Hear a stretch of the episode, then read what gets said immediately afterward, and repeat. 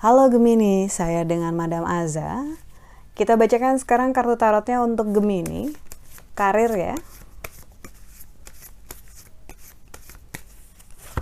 Kartu yang keluar adalah The Emperor.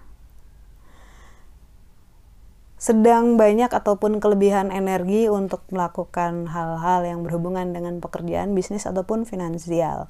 Jadi kalau misalnya ada ide, diterusin aja, digali terus dan di uh, follow up gitu. Jangan hanya sekadar angan-angan. Akhirnya ujung-ujungnya kembali ke kuburan ide.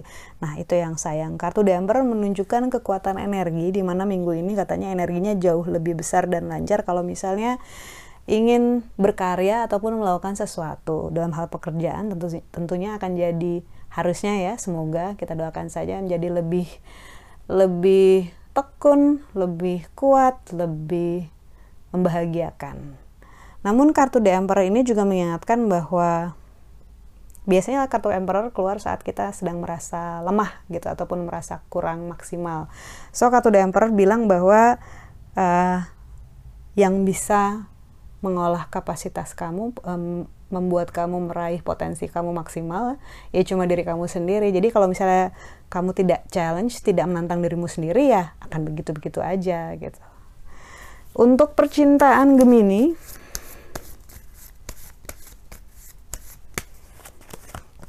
kartu yang keluar adalah The Magician.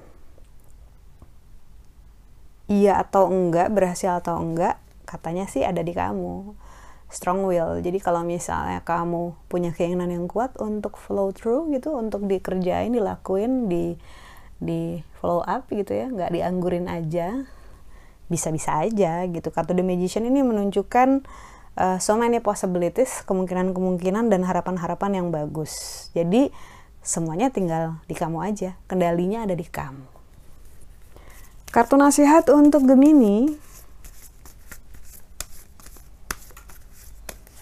Kartu yang keluar adalah semesta. Harus lebih percaya bahwa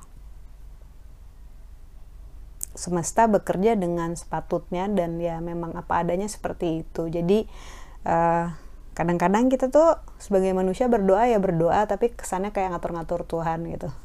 Padahal timingnya dan big puzzle-nya gitu, puzzle keseluruhannya kita nggak bisa lihat, kita belum bisa lihat. Jadi dibilangin sabar-sabar aja, dijalani aja, nggak bisa langsung loncat dari TK ke universitas nggak bisa, harus lewatin tahap-tahapnya dulu.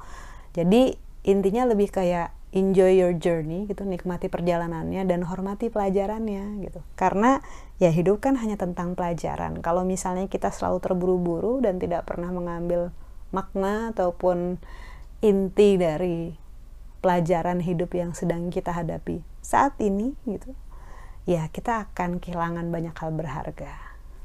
Sekian bacaannya. Terima kasih. Bantu dengan cara like subscribe share dan komen. Thank you